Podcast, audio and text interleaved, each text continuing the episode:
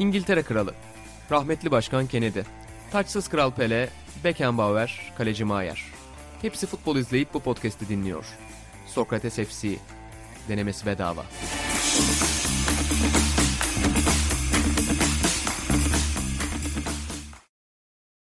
Merhabalar, Sokrates FC'nin yeni bölümüne hoş geldiniz. Ben Buğra Balaban, sevgili İlhan Özgen'le beraber her sene çeşitli bölümlerde rahatsız ettiğimiz, kıymetli görüşlerini almak için FC'ye konuk ettiğimiz sevgili Fatih Demireli bugün bizlerle. Yılın o günü geldi ve o da bizleri kırmadı sağ olsun bizlerle beraber. Fatih hoş geldin. Hoş bulduk. Selamlar. Buğra selamlar. İlhan nasılsınız? Selamlar abi. Sağ ol seni sormalı. Çok iyiyim. Çok teşekkür ederim. Çok sanki yani kayıttan önce konuşmamışız gibi bir giriş yaptım ama e, olsun.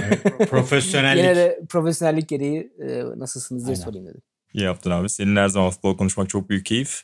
Ee, ilk olarak da bugün senin konuyla başlayalım diyorum. Atan olmayınca daha erken girebiliyoruz podcast'e. Ee, böyle bir avantajı oluyor bildiğiniz gibi. o yüzden doğrudan e, sana pas atacağım. Geçtiğimiz bir 10-15 günün aslında en böyle keyifle Türkiye futbol Twitter'ında konuşulan konularından bir tanesi Christoph Daum'un yeni çıkan kitabı.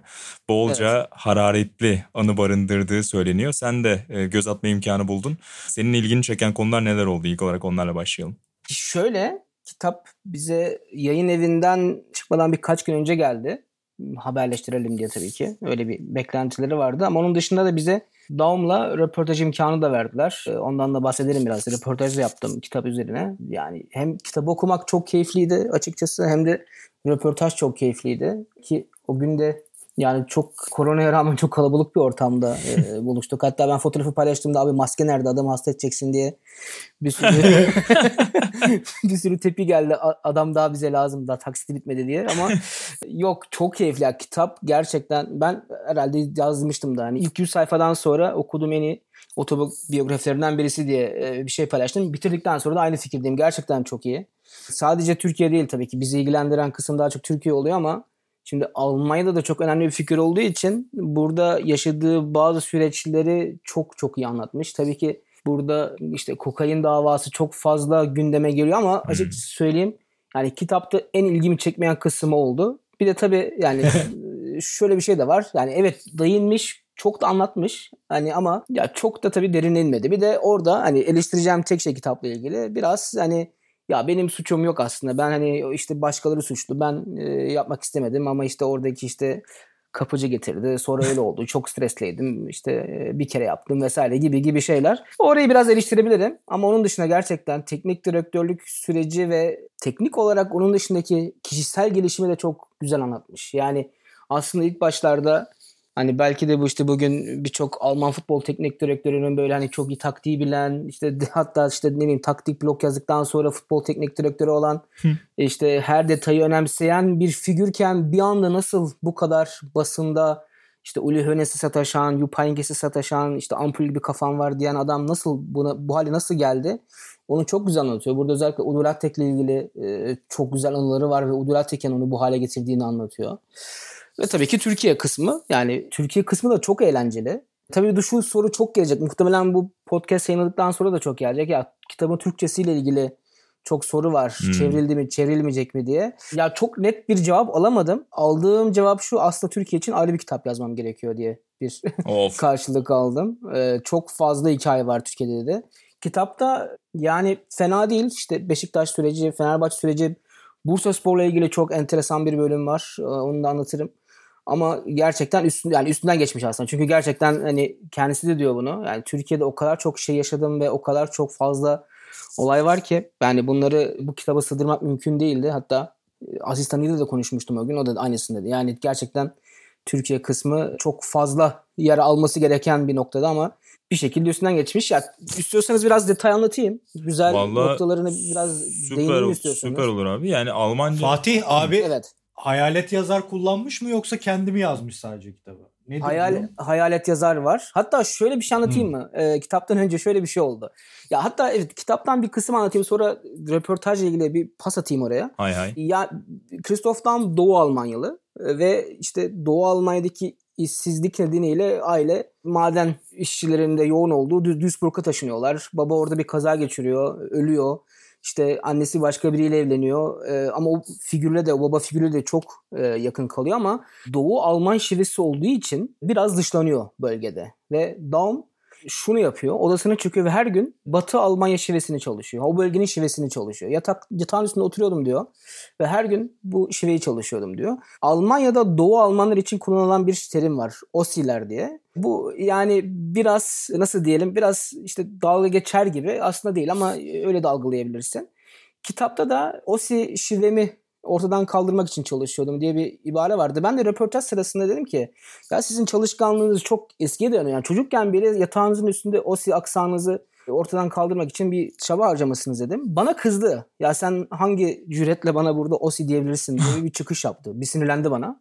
Dedim ya hoca dedim bunu ben söylemiyorum sen kitapta yazmışsın. Hayır ben öyle bir şey demedim diyor. Ben Doğu Almanyalıyım ama OSI değilim falan dedi. Dedim ya hoca kitapta yazıyor. Yani gerçekten alıntı yaptım ben. Yani bu Hadi buyur. ben hadi buyur dedim. Ya yok göster diyor. Çıkardım gösterdim. Yine mi ikram ettiler Aa, hoca deseydin? Aa, aa diyor işte böyle bir şey olamaz diyor. Ben işte işte e, hayal yazarla işte bunu bir konuşmam lazım. İkinci başkada bunu kaldırmamız gerekiyor. Ondan sonra işte özür diledim senden falan filan diye. Hatta şunu söyleyeyim. Bu konuşma üç kere oldu yani ben kitabı bitirerek çıktım karşısına. Hani çünkü Daum'un böyle çıkışları olduğunu bildiğim için bu tip detaylara önem verdiği için dedim yani bir yerde gol yememek için kitabı bitireyim dedim. Üç kere böyle bir konuşma oldu. İşte hatta bir yerde şey diyor. Hayat işte işte kokain davasından sonra e, hayatta 3-0 geriye düştüm diye bir ibaresi var.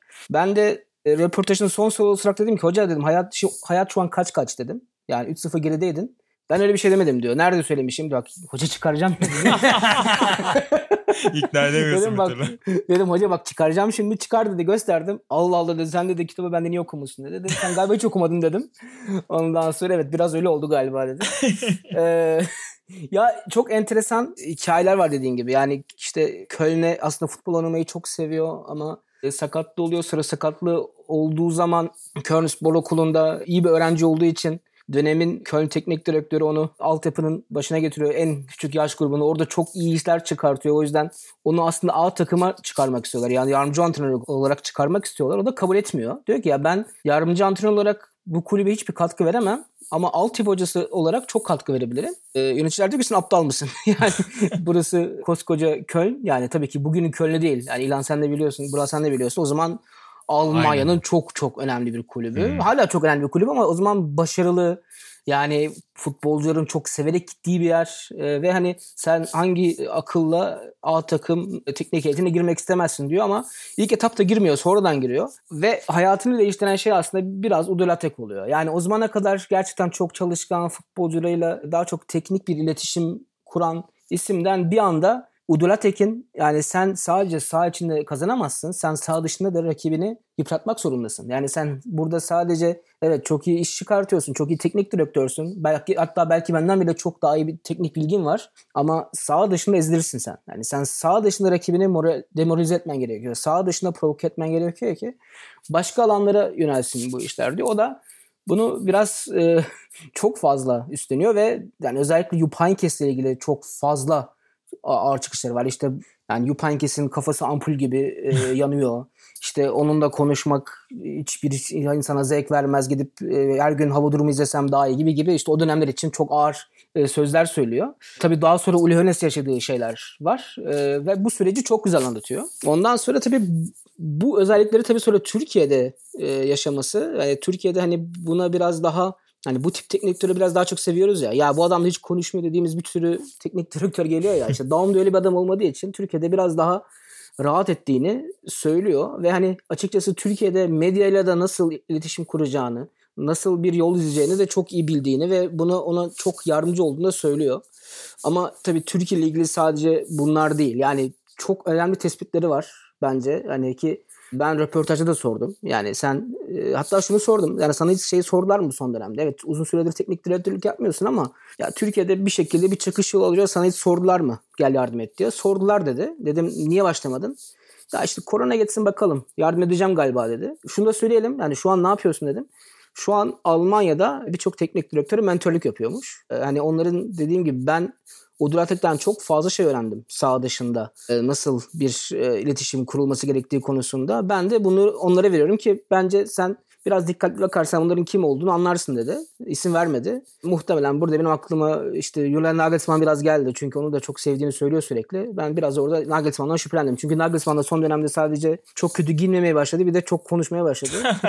dedim dedim herhalde onunla ilgili bir çalışması var. Yani şu tespitleri çok fazla oldu. Türkiye ile ilgili işte futbolcuların e, eleştiri kabul etme kabiliyeti çok fazla yok dedi. Ben e, hatta şu örneği verdi. Beşiktaş ilk geldiğinde Recep Çetin'e takım hani herkesin içinde bir eleştiri, ufak bir eleştiri getirdim dedi. Yani işte şu maçla ilgili başta bir hata yaptı ve bunu herkes içine söyledim. Bir hafta antrenmana gelmedi dedi. Yani ha, sakatım diye antrenmana gelmedi dedi. Bu da dedi biraz Türk futbolcularının yani eleştiriyi çok fazla kabul etmelerine bağlıyorum dedi. Bu bence hala çok geçerli olan bir şey bu arada. Yani hala futbolcularımız özellikle yerli futbolcularımız çok fazla eleştiriye e, açık değiller. Çok sanki hala işte her doğruyu ben yaparım havasındalar. Ya çok uzattım. Bir iki de örnek daha vereyim. Bence Pierre Van Hooydonk kısmı çok çok enteresan. Hooydonk'u anlatıyor. Onunla işte alakalı ben... da çok yani giderken çok fazla haber yapılmıştı abi. Seni de soluklandırayım hatırlarsın. Hatta şey muhabbeti çok konuşulmuştu yanılmıyorsam. Van Hooydonk gittikten sonra onun villasına taşınma muhabbeti falan vardı. Bir, evet. O zamanlar böyle sanki çok büyük kasım varmış gibi anlatılıyordu. O yüzden de beklenen kısımlardan biriydi hakikaten Van Hooydonk evet. muhabbeti. Çok çok çok çok. Hatta şöyle şöyle başlayayım önce Fenerbahçe geliş sürecini anlatayım e, çok kısa işte Avusturya Wien'de çalışıyor ee, ama ayrılmak istiyor. İstediği şartlar pek oluşmuyor. Ve Fenerbahçe Werner Lorant döneminden sonra bir teknik direktör arıyor. Yani yeni değil bir teknik direktör arıyor. Ondan, gerçekten mesleği gerçekten mesleği teknik direktör olan birini arıyor. Aziz Yıldırım beni çok istedi diyor. Hatta ben Viyana'daydım henüz. Yani gitmemiştim ve Viyana'ya geldiler diyor yöneticilerle birlikte ve gerçekten çok çok iyi bir teklif yaptılar diyor.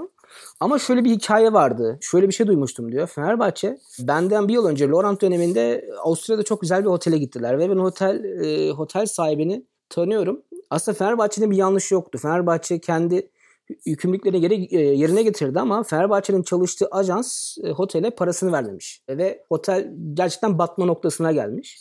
Damla demiş ki başkan yani bu otelin borcunu ödeyin ben imza atarım demiş. ee, Aziz Yıldırım demiş ki saçmalama ne alakası var Fenerbahçe ile bunun. Bizim yani bir orada şeyimiz yok. Ya benim için önemli. Onlar benim arkadaşlarım, dostlarım. Franz Beckenbauer da girdi araya. E, o yüzden bunu e, öderseniz iyi olur diyor. Aziz Yıldırım da bir yöneticiyi arabaya oturtup 4 saat zaten Avusturya'dalar. Otele gönderiyor. Borcu ödetiyor. Geri geliyor. Hadi imza at diyorlar. O da imza atıyor. Fenerbahçe'ye öyle geliyor. Christoph Daum. Bunu da çok güzel anlatıyor kitabın içerisinde. Ben biraz özet geçtim burada. Geldikten sonra en çok istediğim oyuncu Pierre Van Hooydonk'tu diyor. Yani çünkü tabii yaşlı bir oyuncu olmasına rağmen defalarca videosunu izledim. Defalarca nasıl bir futbolcu figürü olduğunu izledim. Zor bir adam olduğunu tahmin ettim ama ben zor adamlarla çalışmayı biliyorum. Çünkü hani Tony Schumacher gibi adamla çalıştım ve şunu Tony Schumacher'la ilgili çok çok güzel hikayeler var kitapta. Yani mutlaka öneririm. Ee, İlhan muhtemelen sen de şu an e, biraz heyecanlanmışsındır. E, çok güzel hikayeler Tabii. var. E, harika gerçekten. Ama ben işte Tony Schumacher'la çalışmış bir adamım. Ben bu yüzden kimseden korkmadım artık. Geldi ve ilk maçları 3-0 biten İstanbul Spor maçı. Orada Robert Enkel ile ilgili detaylar da var. Onu da e, kitap geldiği zaman okuyabilirsiniz. Ama o maçtan sonra Van Hooydonk Daum'un odasına geliyor ve diyor ki bana emir verdi diyor. Takımı değiştirmek zorundasın. Takımda kadro dışı olmak zorunda. Bu oyuncularla olmaz. Ben buraya arkadaşlık kurmaya gelmedim. Burada başarılı olmak için geldim. O yüzden bir an önce gereğini yap diye bana emir verdi diyor. Yani normal şartlarda kovmam lazım diyor. Ama şimdi böyle bir adamı da e, hemen kaybetmek istemedim. Bu yüzden biraz daha farklı davranmak zorundaydım ve gerçekten bize o sezon çok fazla katkı verdi dedi. Ama kolay bir isim değildi. Özellikle Anelka geldikten sonra çok fazla sorunlar e, yaşadığını söylüyor. Yani Anelka kıskançlık aslında bir yerde aslında kıskançlığı ima etti orada ama Anelka geldikten sonra özellikle Van Hooydonk'un e, hal ve hareketleri çok değişmiş. Bir olayı anlatıyor. Bir takım toplantısı esnasında otelde Van Hooydonk Semih Şentürk'ün sandalyesine yanaşmış. Sonra Semih Şentürk yerinden kalkmış ama hani Semih'in de haberi yok bu arada hani Van Hooydonk'un o e, sandalye e, yaslandığını ve yere düşüp kafasını acıtıyor Van Hooydonk. Yani bir şey olmuyor kafasını acıtıyor.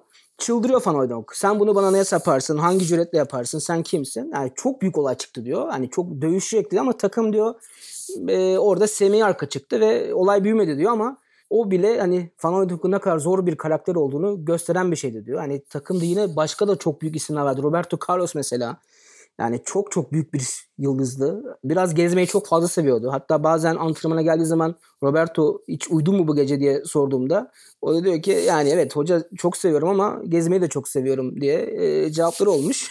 Tabii bunlarla şimdi baş etmek e, önemli bir şey. Hani şimdi belki bugün daha, daha genç teknik adamlar daha farklı bununla ilgili yaptırımlar yapar ama işte Daum'un da e, biraz da psikoloji bildiği için yani yıldızlarla nasıl çalışıldığı bildiği için bunu çok iyi kotarmış ama tabii bunun kötü anıları da var. Yani Emre Belözoğlu ile ilgili yani çok büyük futbolcu çok işler yaşadım ama özellikle Aykut Kocaman'ın sportif direktör oluş, olduğu zaman e, aslında bir şekilde orada Emre Belezoğlu'nun e, özellikle bir maç sonrası şimdi maçı hatırlamıyorum ama Ankara Spor maçı olabilir. Aykut Hoca sen burada teknik direktör olsan böyle olmazdı diye Daum'un yanında bir çıkışmasından bahsediyor mesela Christoph Daum. Yani bu tip durumları da yaşamış.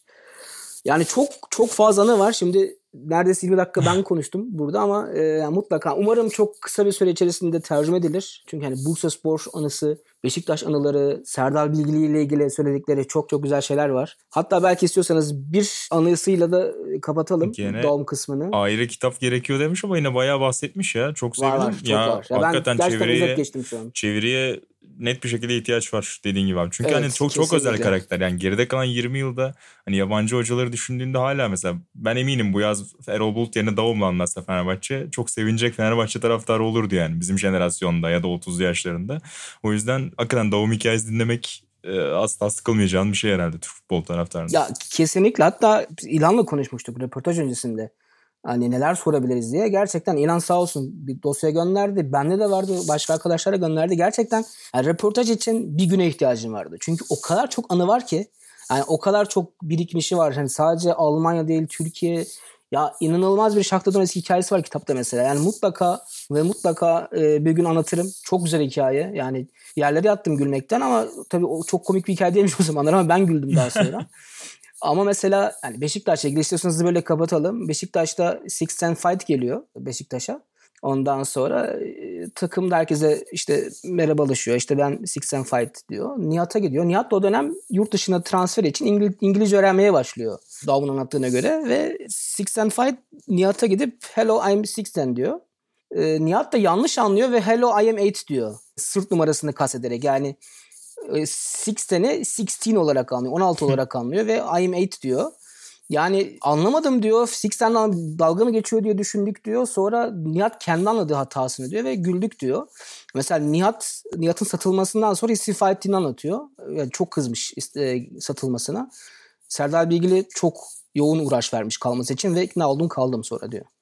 Vallahi yani özeti böyleyse hikayelerin hakikaten kitabı çok iştahlandım. yani İngilizce bile çevrildi. İngilizce çevrildi mi bu arada abi? Bakmadım ama. Ee, yok. Yok değil mi? O da yok. Sadece, yani, yani sadece Türkçe olmasa bile evet. İngilizceden falan bir şekilde bulmak gerekecek iler Türkçe'ye çevrilmesi gecikirse dahi. İlan sen nasıl açıklarsın 2000'lerin başındaki o davum etkisini? Ben sadece Fatih şunu sormak istiyorum. Koh bölümü var mı o Abi var. Çok var. Kondisyoner. Koh bölümü yoksa var. yemin ederim yakarım o kitabı. Yok var çok da güzel. Yani hatta şöyle çok da güzel bir yerde anlatıyor Koh'u. Yani o bir yaş yani doğum bir yaş alt kategorisinde Koh bir yaş üstünde aslında. Yani rütbe olarak aslında üstündeymiş Koh. Ee, ondan sonra yolları kesişip devam ediyor. Çok güzel yani Koch'la ilgili anlattıkları detaylar çok çok önemli. Hatta senin bana önerdiğin bu işte Türkiye'ye geldiğin zaman herkes Koch'u anlattı işte bunu da sordum ona. O da yani ya şaşırdı bu soruyu sormama ama diyor doğru bir soru bu diyor. Yani gerçekten Türkiye'de bunun bu kadar yani bu kadar basic bir şeyin bu kadar önemsenmesini ben de şaşırıyorum bazen diyor ama hala geçerli bir şey diyor. Evet bunu podcast'te de konuşmuştuk. Sana da belirtmiştim. Bizde Buğra'nın konusuydu bu bir konuştuğumuzda. Yani kondisyonerin Türkiye'de sanki futbolun en büyük büyüsüymüş gibi hala bir e, ne denir pay alması, hala en büyük rol biçilmesi çok ilginç bir şey. Ben Kesinlikle. de aynısını söylemiştim. Yani dünyanın Kesinlikle. hiçbir takımında yoktur. Abi Guardiola'nın da kondisyoneri ya. Bütün sır onda filan denmiyordur yani. Ya burada da öyle. doğru, doğru. Ya Bura, Bura senin sorun abi Türkiye açısından yani bence Türkiye'ye en iyi ayak uyduran Alman yıldız antrenörlerden biriydi Daum. Yani Derval, Feldkamp, Osijek bunların üçü de bence hiç öyle Daum'dan altta kalır adamlar değildi. Ama hepsi yani buraya öğretici olarak gelip ya vazgeçip döndüler ya da izler bırakıp gittiler. Ama Daum hani bizden biri olma mevzusu var ya o yönden onlardan çok ayrışıyor. Yani Fatih bugün Allah uzun ömür verseydi de Derval'le röportaj yapsaydı belki bu kadar şey paylaşamayacaktı Türkiye adına, Türkiye tarafından. Doğru. Ki çok daha büyük izler bıraksa da. Ama Daum'un o mevzusu misal Oziyek Fenerbahçe'de hatırlıyorum. Çok büyük işler yapmıştı. Bir kere Rıdvan ve Tanju'suz oynamayı öğrenmeli Fenerbahçe demişti. Fırtınalar kopmuştu ülkede. Rıdvan'la Tanju'yu istemiyor. Halbuki adam başka bir şeyin altını çizmek istiyordu. Ve o Fenerbahçe de kademe atlamıştı resmen Oziyek'le. Ama bir süre sonra Oziyek ülkesine döndü. Ama Daum hep yani Beşiktaş'a geldi. Fark yarattı. Döndü. Tekrar geldi. Bir, bir yere kadar götürdü. Sonra Fenerbahçe'ye geldi. Damga vurdu falan. Hep yani 90'lardan başlayıp 2000'lere kadar futbol değişse bile hep iz bırakan adam oldu. O yönden bizim açımızdan farklı olmasının en büyük sebebi bu bence. Yani Gazi sponsorluğuna ilgili de geyik yaparız. Koh'la ilgili de yaparız. İlhan Mansız olayına girersin. Ateşini yolla bana mevzusu yaparsın. Yani ülke, ülkenin iki takımı, iki büyük takımının tarihinde apayrı noktalarda yeri var adamın. O yüzden öbürlerinden biraz farklı oluyor. Daha çok hakkında muhabbet etmeyi seviyoruz. Ya da işte o Mehmetçik aklına bağış konuları hani biraz belki o aldığı saha dışındaki e, şeylerde güçlü olman lazım. Eğitiminin belki getirdiği şeyler ama sonuçta dediğin gibi bağ kurmasına yardımcı oluyor. Davum kısmını belki şöyle kapatabiliriz. Fatih son olarak sana şöyle döneceğim. İlhan'ın söylediği e, o uyum ya da bizden biri olma, geri dönme niyeti olmama mevzusuyla alakalı. Hani diğer hocalar evet geldiler burada büyük de etki bırakanlar oldu ama hepsi aslında geçici bir durak olarak bir anlamda geldi Türkiye'ye ama özellikle o 90'ların sonundaki kokain mevzusundan dolayı Davum'un biraz sürgünde oluşu hani Almanya dönüşü belki aklına çok olmayış yani o gemileri yakıp gelmiş olması da belki onun adına burayla daha fazla daha büyük bir bağ kurmasına yardımcı olmuş mudur sence? Kesinlikle. Yani şöyle bir şey var. Türkiye geliş tarihlerine bakalım Davum'un. Mesela ilk gelişi Stuttgart'taki o muhteşem e, sürecinden Aynen, sonra aynen. geldi. Yani orada o yanlış oyuncu değişikliğinden sonra e, geldi. O var mı? Var. Fatih o var çok mı? abi? güzeldi. Çok güzeldi. Muhteşem. Muhteşem. Orada Ya- kimi suçluyor? Orada orada kendini suçluyor çünkü ben bu konuda kimseye direktif vermedim diyor. Yani bana yardımcı olsun diye ama bence biraz orada politik konuşuyor. Çünkü orada aslında biraz kulübü suçluyor bence. Yani Dördüncü biraz ekip- yabancıyı oynatıyor galiba. Bilmeyenler Evet, için açıklatalım. evet, doğru. O zaman Şampiyonlar Ligi ön elemesi Leeds maçında Leeds maçı, fazla doğru. oy- Aynen. yabancı oyuncu nedeniyle tur gidiyor elden yani. Kesinlikle. Yani şöyle bir şey söyleyelim. Ya çok peak bir noktası aslında Daum'un baktığın zaman. Yani çok Tabii. önemli bir isim olarak geliyor Türkiye'ye. Sonra Tabii tabii abi e, büyük olaydı çok ya. büyük olaydı ve hani sonra baktığın zaman Fenerbahçe'ye geliş zamanı yine ya da Türkiye geldiği zaman şeydi yine yani işte Alman milli takımı teknik direktör olacakken yani milli takım antrenörü olacakken e, geliyor Türkiye'ye yine. Yani evet bu olaylar olmasa gelmeyecek muhtemelen. Yani oradaki kariyerine devam edecek. Ama teknik direktör kalitesi olarak ve teknik direktör figür olarak en üst noktalarına geldi Türkiye'ye baktığınız zaman. Ve çok da verimli oldu. Yani her gelişinde çok çok verimli oldu. Tabii şey de çok enteresan. Kitabı okuyorsun. 90'lı yıllar işte 2000'lerin başı. Ya bugün ne yaşıyorsak aynısını anlatıyor. İşte maddi sorumluluklar, futbolcular maaşlarını almıyorlar. işte yöneticiler karışıyor. Oradan şey oluyor. Hiç değişmemişiz. Aynı. Sonra da işte röportaj sorusunda da konuştuk. Aile aynı. Yani hala da aynı problemler bir şekilde devam ediyor. Ama senin soruna gelince şöyle bir şey var. Türkiye'ye çok fazla teknik direktör gelip bize çok doğruları söyleyen isimler oldu. Ama hiçbiri Daum kadar bize uygunluğu yani o, o tonu sadece Daum buldu. Şimdi hatırlıyorum Gülsüdink geldi ve sürekli işte siz çok duygusalsınız dedi. Ulan sen ne diyorsun dedik adama. Advokat geldi Fenerbahçe'ye. Bence son yılların en verimli aslında ismiydi. Çünkü adam sadece doğruları söyledi ama ya öyle bir sert mesajı var ki ya dayı sen ne diyorsun dedik adama yine. Gönderdik. Daum da aslında bence hep aynı mesajları veriyor. Daha da ağırlarını söylüyor.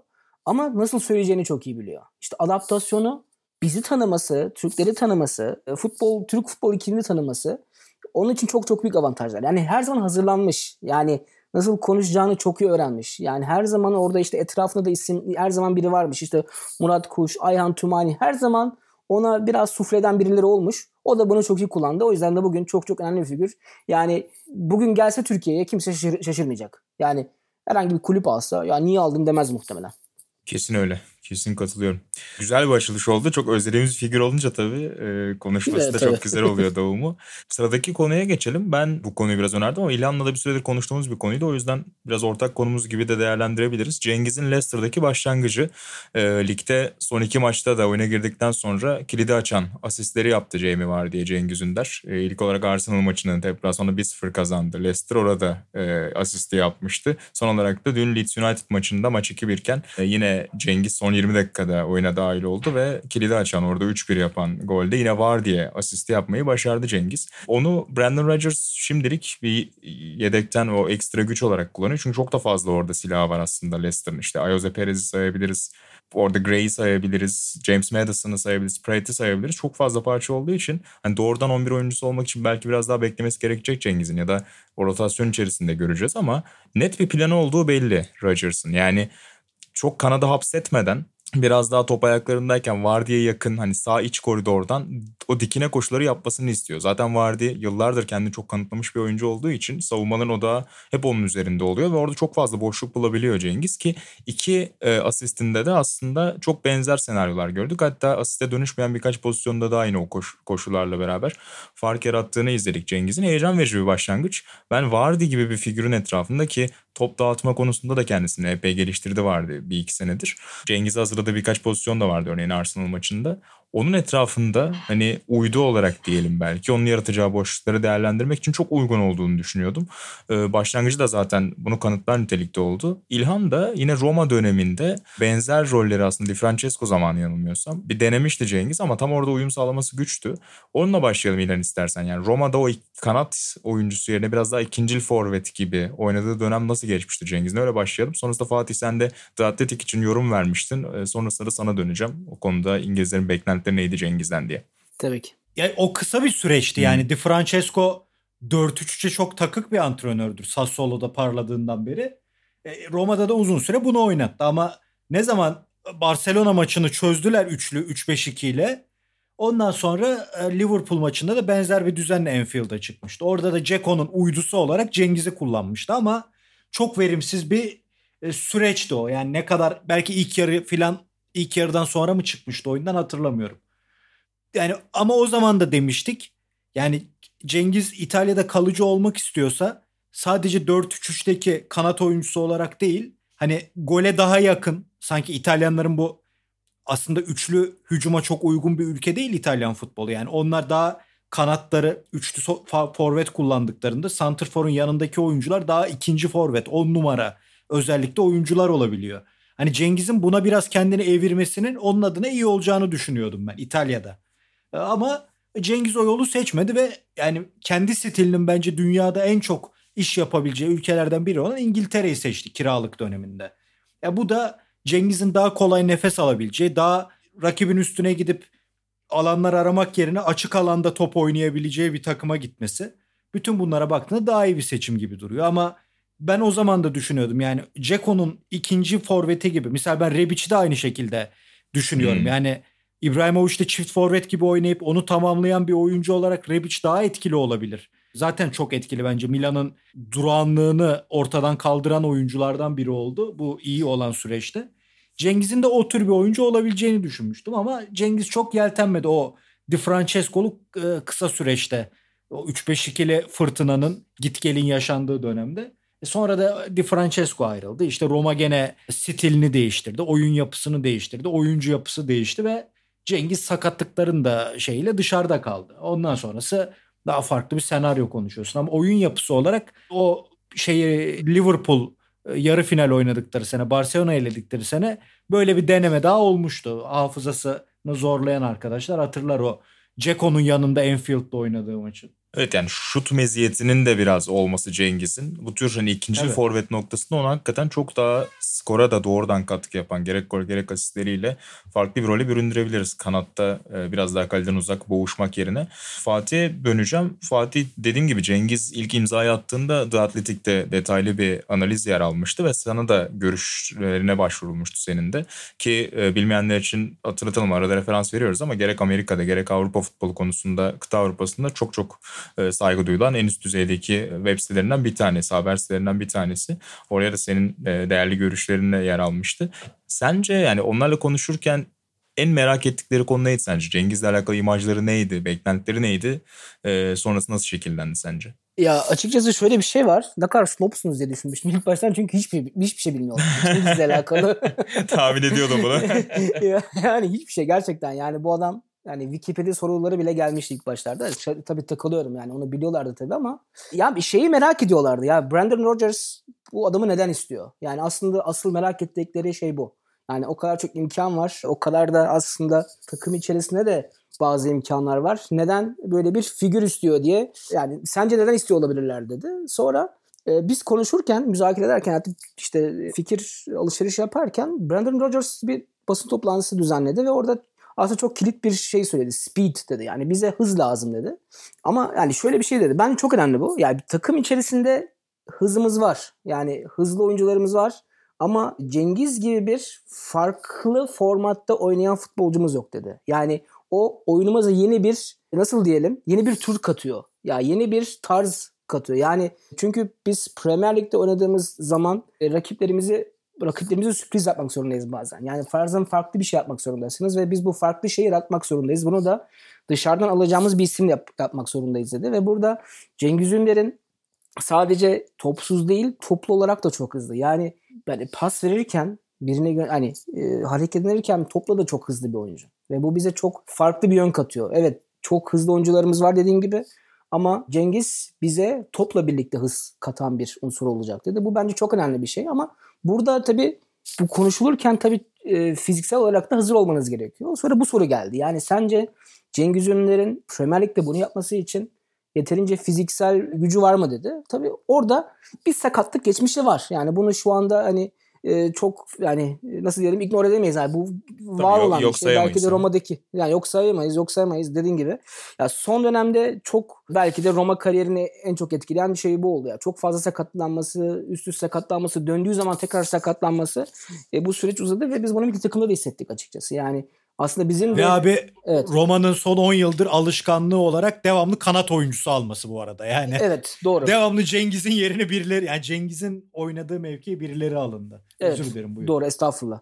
Ve aslında baktığın zaman biz de milli takımda aslında Rodgers'ın aradığı şey biz de aradık aslında. Yani bizde de oyunda kaliteli ayaklarımız vardı. İşte Hakan Çalhanoğlu vardı.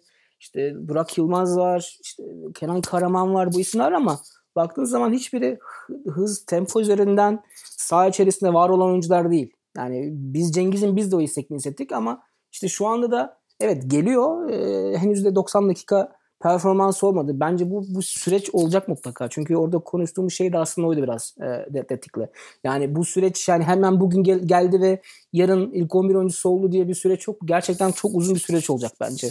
Ya bir de şanssızlığı tabii şu anki maç temposunun çok çok daha yüksek olması geçmişe göre çünkü e, sıkışık bir takvim var e, oynaması gerekiyor ama ben oradaki yüklemelerle Cengiz'in yani bu iyi oldu bence Cengiz'e. Çünkü aslında şöyle bir yorumlar da yapılmıştı ya. Ya işte gidecek zaten kırılgan bir oyuncu, sakatlanan bir oyuncu Premier Lig'e gidilir mi? Ama aslında bence bu tip oyuncular oraya gitmesi gerekiyor. Fizik, fizik, fiziksel olarak güçlenmek için. Çünkü narinliği bir yerde kırmak zorunda Cengiz. Çünkü daha yaşı henüz hala genç. Yani tabii şey olarak bir tecrübesi kazandı ama e, hala genç ve bence dediğin gibi onun farklı bir türü yok şu an Leicester City'de. Ha şu şu da ortaya çıkartıyor bence. Yani ne kadar 11 oyuncusu olur bu bende biraz soru işareti açıkçası. Yani çünkü sonuç olarak bir şablonu var Brandon Rodgers'ın. Oynattığı futbol, bir futbol tarzı var. Cengiz biraz daha bu şablonun dışına çıkan bir oyuncu. Sanki biraz rol oyuncusu olacakmış gibi geliyor bana. Yani bazı maçlardaki bazı çözümü olacak bazı maçların ama sürekli 11 oyuncusu olur mu? Ben biraz daha bu konuda şüphelerim var açıkçası. Ona biraz katılıyorum abi. Girişte de hatta o yüzden aslında diğer opsiyonları saydım. Hatta Harvey Barnes'ı da sayalım. Yani çok fazla aslında forvet arkasında ki o üçünde kullanabileceği parça var Brandon Rodgers'ın. O yüzden düzenli bir 11 oyuncusu olacağını beklemek Cengiz'in biraz iyimser olabilir doğrusu. Yani bu çizgiyi kurursa tabii ki neler gösterir bilmiyoruz ama dediğin gibi özellikle o 20-30 dakikalarda çok kilit açıcı rolde kullanabilir Cengiz'i. Şu ana kadar da bunu çok başarıyla yaptı. Yani Leicester 2016 şampiyonluğunda da Ranieri zamanında hatırlıyoruz. Çok e, iyi bir kontra takımıydı. Sonrasında biraz daha topa sahip olup oynamayı da başardığını gördük Leicester'ın ama mesela dün Leeds maçında Ee, yine Leeds'e topu uzunca bir süre bırakıp aniden 3-4 pasta, 2-3 pasta çok hızlı şekilde rakip alana geçtiklerini gördük ve ilk yarıda perişan ettiler Leeds United'ı. İşte Arsenal maçında yine hani büyük maçlarda bunu zaten sıkça yapıyorlar. Vardy buna uygun bir oyuncu. İşte Madison'ı buna sayabiliriz. Cengiz zaten biçilmiş kaftan. O tür rollerde sen söyledin Premier Lig için uygun mu soru işareti. Yani evet Premier Lig'de savunmacıların çok güçlü olduğunu görmeye alışırız ama bir yandan da birçoğunun da ağır olduğunu gör, görüyoruz abi. Onu da atlamamak evet. lazım. Ve yani topu Doğru. alıp ileride oynamaya çalışan takımlara karşı Cengiz çok fazla boşluk bulabilir. Ve o süratiyle işte Arsenal'da zaten orada Çaka'yı falan perişan ettiği anlar var. Birçok pozisyonda birebir de görüyoruz onu. İşte Adama Traore bile mesela geçtiğimiz sezon neredeyse sezonun oyuncularından biri haline dönüştü Wolverhampton'da. Tek önemli meziyeti sürati evet çok güçlü bir oyuncu ama o sürat çok fark yaratıyor. Cengiz de yine o süratiyle da fark yaratabilir gibi geliyor bana. İlhan da bilmiyorum İngiliz savunmacılar hakkında bir şeyler eklemek ister mi? Yok estağfurullah söylenecek şeyi söyleyin. Hantallık. Evet evet o biraz geleneksel bir hantallık oluyor. En iyi stoperleri Maguire da bunun zaten önemli örneklerinden bir tanesi. Pekala eklemek ya bence istediğiniz... Bu, Heh, burada lafını böldüm. Yani bence burada çok da kısa söyleyeceğim bunu. Bence burada gerçekten kilit nokta Cengiz'in vücudu. Yani müsaade ederse ya bu dedim ya hani bir işte sürekli 11 oyuncusu değil ama hani bazı maçların çözümü bu da kötü bir şey değil aslında. Yani, yani bu da hani kariyerinizde ya ben de böyle bir şeydim diyeceğiniz, üzüleceğiniz bir şey değil. Bu güzel bir şey baktığınız zaman. Hmm. Premier Lig'de çözüm üreten oyuncusunuz yani sonuç Doğru. olarak. Hele abi İngiltere, Amerika gibi her role bir e, lakap bulabilen kültürlerde bence gayet güzel iş yani. Kesinlikle, kesinlikle. Se- se- sezonda kenardan gelip 6 maç alsan o sezonun kahramanlarından biri olarak anılabilirsin zaten. Ya yüzde yüz öyle. Yani böyle de çok fazla oyuncu da yani tarihte ortaya çıkmıştır. Yani her zaman sadece e, takımın 11 oyuncuları yıldızları taşımıyor. E, bence Cengiz bu rolü üstlenebilir ama dediğim gibi vücudu bunu kabul etmesi lazım ve hani bunu kaldırması lazım. Ben çünkü dediğim gibi yani yine milli takım için de bence hmm. değiş yani değişmeyen tek isimlerden bir tanesi bence. Yani çok değerli orada oyuncular var ama Cengiz'in hızında, Cengiz'in temposunda, Cengiz'in aynı zamanda karar hızı da önemli bence. Yani çok hızlı karar verebiliyor. Yani e, yön değiştirme konusunda böyle bir oyuncumuz yok bizim. O yüzden ya müsaade ederse fiziği bence çok güzel bir Premier Lig kariyeri onu bekliyor. Güzel bir parantez açtın. Çok güzel bir şey dedin abi. Karar hızı mevzusu çok önemli bence de. Misal Zaniolo üzerinden söyleyeyim. Yani Bernardeschi'nin genel yetenekleri Fiorentina'dayken ondan iyi olabilir karşılaştırdığında misal ama Zaniolo'nun karar verme hızı birçok genç yeteneğe göre çok önde. Yani Zaniolo'yu bende öne koyan misal o özelliği. Yani karar verme e, yetileri çok çabuk çocuğun. Bu bir genç oyuncu için ni geçtim. Genel olarak bir futbolcu için çok önemli. Bu da bir Allah vergisi yetenek aslında. Öğretilmez bir şey. Tabii. Önemli bir şey söylediğin haklısın. Yani bunu çalışamazsın dediğin gibi. Bu gerçekten Aynen. var olması gereken bir şey. Kesin öyle işte yetenek dediğimiz şeyin boyutlarından bir tanesi belki de. O karar yeteneği saha içinde o milisaniyelerde her şey değişirken 2021 yazı için de güzel parantez açtın aslında Fatih. Yani birçok parçası milli takımın değişebilir. Hani yedekleri olabilir gibi düşünüyoruz ama bana kalırsa da yani sağlıklı bir Cengiz, sağlıklı bir Yusuf Yazıcı çok farklı boyutlar katabilirler bu takıma. Yoksa parça çok fazla var oynatabileceğimiz belki şu anda. Forvet pozisyonu hariç birincili forvet hariç ama ya o ikisinin hakikaten farklı şeyler sunabileceğini görüyorsun sağlıklı kalabildiklerinde. Cengiz'le alakalı Türkiye'deyken 30 lig maçının üzerinde oynadığı lig sezonları hatırlıyoruz. Ama İtalya'da Roma'daki ilk sezonda mesela 26 maç oynayabilmişti sadece ligde. Takip eden sezon keza öyleydi. Bir önce yani geçtiğimiz sezon ise biraz pandeminin de etkisi oldu tabii ki ama 18 maç oynayabildi. Çok fazla sakatlanmıştı zaten geçen yıl. O yüzden umarız hem onun kariyeri için hem milli takım için çok daha sağlıklı kalacağı yıllar onu bekliyordur. Kesinlikle. Ya üstelik hani Roma'dan Roma'ya giderken geldiği teknik direktör de Abdullah Avcı. Yani bu tip hmm. konularda da bilimsel yaklaşan yani çok sevmediğim bir kalıp değil ama gerçekten öyle olan ve hani futbolcunun e, hangi antrenman ihtiyacı olduğu bilen bir teknik direktör. Yani ki bunu giderken de hani hatta Sokrates röportajında da vardı. Yani hangi sadece işte içi değil beslenmesine kadar yani beslenmesine kadar e, yeni bir eğitim sürecinden geçti Cengiz. Bu önemli ama işte çok geç başladığı için bir, bir noktada işte başka bir lige gittiği zaman da işte bunu çocukluğundan beri yapanların gerisinde kalıyorsunuz mecburen. Yani öyle bir problem var. Kesinlikle öyle. Güzel özetledin abi. Ağzınıza sağlık sevgili Fatih Demireli, sevgili İlhan Özgen. Sokrates FC'nin bu haftaki bölümünde. Ben ben Fatih Demirel'ine Atağan'a sorduğum sorulardan birini soracağım. Lütfen. Yani bölüm sonu Atağan evet, sorularım Kapanış sorusunu senden alalım sonrasında kapatalım. Abi Kristof Daum'u Türkiye'de etkileyen bir futbolcu var mıymış? Güzel soru sordum. Alex dedi ya. Alex. Türk yok mu hiç ya? Ee, Emre Belözoğlu ve Alex dedi galiba. Pardon. Pardon ya. Sergen Yalçın. Ha. Sergen Aynen Yalçın. abi diyecektim. Evet evet. Pardon ya. Ben şu an gitti. Sergen Yalçın hatta bayağı konuştuk. Yani bu gerçekten şey muhabbeti oldu. Hani Sergen Yalçın'ın hani Bayern Münih araştırmış sonra vazgeçmiş muhabbeti var ya. Yani aslında onu onu da söyledi Daum. Yani canı istese dedi çok çok iyi bir teknik direktör olacak dedi. Yani canı istemesi lazım dedi. Çünkü canı istediği Biraz futbolu sevmesi lazım. Evet yani çünkü canı istediği zaman olağanüstü benim gördüğüm en iyi futbolculardan biriydi dedi. E, Canı isterse de çok çok iyi bir teknik direktör olacak dedi. Ben inanıyorum ona dedi ama canı istemesi lazım. Yani o ben izlediğim maçları Beşiktaş maçlarını izliyorum dedi. Görüyorum dedi. Sergen bir şeyler yapıyor dedi.